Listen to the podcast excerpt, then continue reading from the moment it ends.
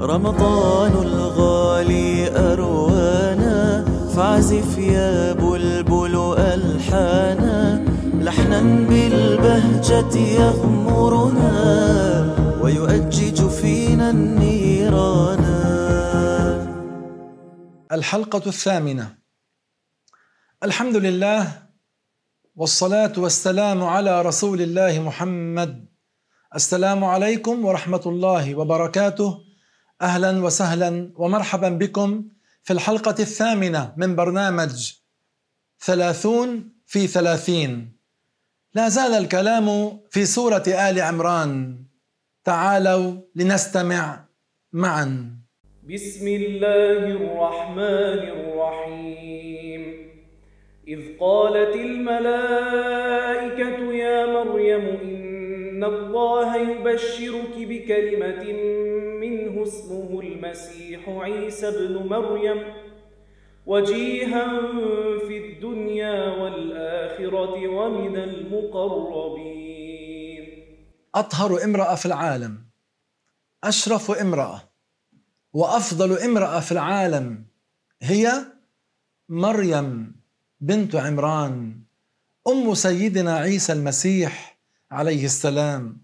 وربنا مدحها في القرآن الكريم وقال عنها يا أخت هارون أي يا شبيهة هارون.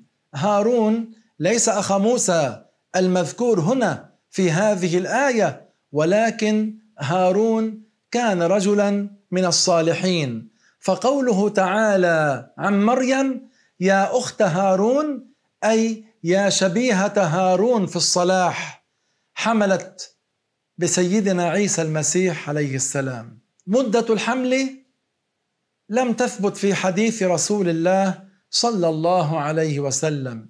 الرسول عليه الصلاة والسلام قال خير النساء مريم ثم فاطمة ثم خديجة ثم آسية. مريم بنت عمران فاطمة بنت محمد خديجة بنت خويلد آسية بنت مزاحم وهي امرأة فرعون. أفضل نساء العالمين مريم فاطمة خديجة وآسية. وأما السيدة عائشة رضي الله عنها تأتي بعدهن في الفضل عند الله تبارك وتعالى وكانت السيدة عائشة أفقه امرأة. فقد قال رسول الله صلى الله عليه وسلم فضل عائشة على النساء كفضل الثريد على سائر الطعام. فأفقه امرأة عائشة رضي الله عنها وأما أفضل امرأة مريم بنت عمران رضي الله عنها والتي كانت ولية وليست نبية لأن النبوة لا تكون إلا في الذكور من البشر. قال الله تعالى في القرآن الكريم وما أرسلنا من قبلك إلا رجالا نوحي إليهم. والآن ماذا سنسمع أيضا من سورة آل عمران؟ فلما أحس عيسى منهم الكفر قال من أنصاري إلى الله؟ قال الحواريون نحن أنصار الله آمنا بالله واشهد بأننا مسلمون ربنا آمنا بما أنزلت واتبعنا الرسول فاكتبنا مع الشاهدين أتباعه كانوا مسلمين فعيسى عليه السلام كان مسلما لأن الأنبياء كانوا مسلمين. فمن كان متبعا لموسى صلى الله عليه وسلم فهو مسلم موسوي. ومن كان متبعا لعيسى صلى الله عليه وسلم فهو مسلم عيسوي. ويصح أن يقال لمن اتبع محمدا صلى الله عليه وسلم مسلم محمدي والإسلام هو الدين الذي رضيه الله تعالى لعباده وأمرنا باتباعه. ولا يسمى الله مسلما إنما من أسمائه تعالى السلام وليس الإسلام. وأما معنى السلام أي أن الله عز وجل سالم من كل نقص وعيب. والآن نذكر ما ورد في قصة عيسى المسيح عليه السلام.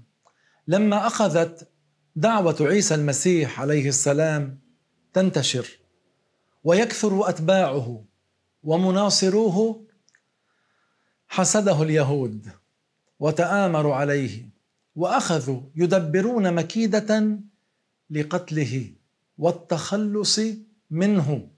وعزموا على قتله وصلبه. وقد ورد أن عيسى المسيح عليه السلام قبل أن يدخل عليه اليهود كان في بيت مع أصحابه وطلابه. فقال لهم إن منكم من يكفر من بعدي فمن منكم يلقى عليه شبهي فيقتل مكاني فيكون رفيقي في الجنة. فقام أصغرهم سنا. قال أنا. فقال له عيسى المسيح اجلس. ثم عاد عيسى المسيح فقال من منكم يلقى عليه شبهي فيقتل مكاني ويكون رفيقي في الجنة؟ فقام أصغرهم سنا فقال أنا. فقال عيسى اجلس. ثم عاد فعاد. فقال له عيسى المسيح عليه السلام فكنت أنت. فألقي الشبه على أصغر تلاميذ المسيح وكان مسلما مؤمنا. وأما عيسى المسيح فرفع بجسده وروحه من روزنة في البيت إلى السماء وهو حي في السماء. فجاء اليهود وأخذوا شبيه عيسى المسيح فقتلوه وصلبوه. فقد قال الله تعالى ومكروا ومكر الله والله خير الماكرين. إذ قال الله يا عيسى إني متوفيك ورافعك إلي ومطهرك من الذين كفروا. وجاعل الذين اتبعوك فوق الذين كفروا إلى يوم القيامة. ثم إلي مرجعكم فأحكم بينكم فيما كنتم فيه تختلفون. قال بعض المفسرين الآية فيها تقديم وتأخير أي إني رافعك إلي أي إلى محل كرامتي. ليس معناه أن الله ساكن السماء لأن الله تعالى لا يسكن سماء ولا يسكن الجنة ولا يسكن الكعبة بل ربنا عز وجل غني عن العالمين لا يحتاج إلى مكان ولا إلى جهة. فقوله تعالى إني متوفيك ورافعك إلي أي إني رافعك إلي ثم متوفيك بعد انزالك إلى الأرض. وأما قوله تعالى ومكروا ومكر الله والله خير الماكرين المكر من الخلق خبث وخداع احتيال.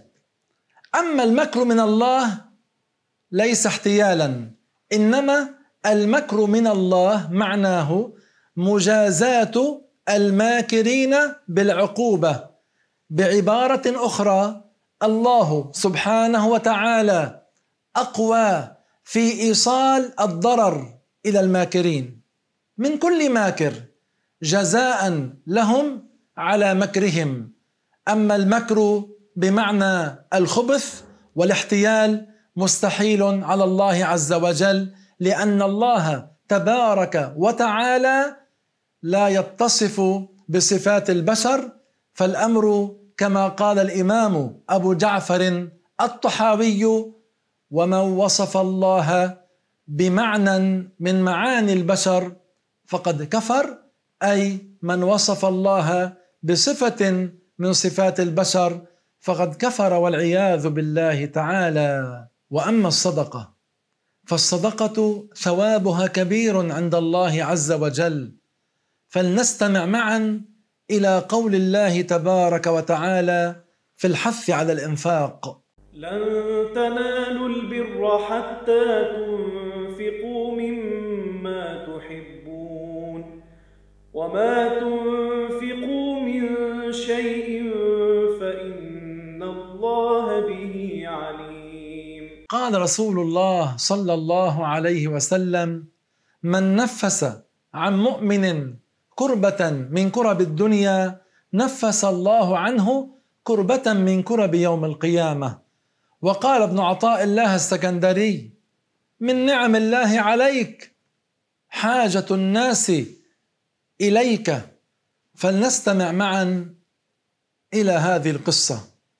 روي أنه كان بمصر تاجر تمر يقال له عطية بن خلف. وكان من أهل الثروة ثم افتقر. ولم يبقى له سوى ثوب لستر عورته. فلما كان يوم عاشوراء صلى الصبح في جامع عمرو بن العاص في القاهرة ووقف يدعو مع جملة الناس الذين يدعون هناك وهو بمعزل عن مجلس النساء. ما الذي حصل؟ فجاءته امرأة ومعها أطفال. وقالت له يا سيدي هل فرجت عني؟ يا سيدي هل فرجت عني وعلى أطفالي؟ فقد مات أبوهم وما ترك لهم شيئا. وأنا شريفة منسوبة للنبي صلى الله عليه وسلم. ولا أعرف احدا أقصده. ثم هو فكر ثم قال لها اذهبي معي. حتى أعطيك شيئا. فذهبت معه إلى منزله فأوقفها على الباب ودخل وخلع ثوبه واتزر بثوب بال كان عنده. ثم ناولها الثوب من شق الباب فقالت له رزقك الله من حلل الجنة ولا أحوجك في باقي عمرك إلى أحد. ففرح بدعوتها وأغلق الباب ودخل بيته يذكر الله تبارك وتعالى إلى الليل. ما الذي حصل؟ نام. فرأى في الرؤيا حوراء لم يرى الراؤون أحسن منها وبيدها تفاحة. قد عطرت ما بين السماء والأرض فناولته التفاحة فكسرها فخرج منها حلة من حلل الجنة. لا تساويها الدنيا وما فيها. فألبسته الحلة وجلست معه. فقال لها من أنت؟ قالت زوجتك في الجنة. فقال لها فبما نلت ذلك؟ فقالت له بدعوة تلك المسكينه الأرملة والأيتام الذين أحسنت إليهم بالأمس. هكذا روي في فضل الصدقة. فلا تبخل على نفسك بالإنفاق في سبيل الله. نسأل الله تعالى أن يرزقنا حسن الاتباع. والله تعالى أعلم وأحكم.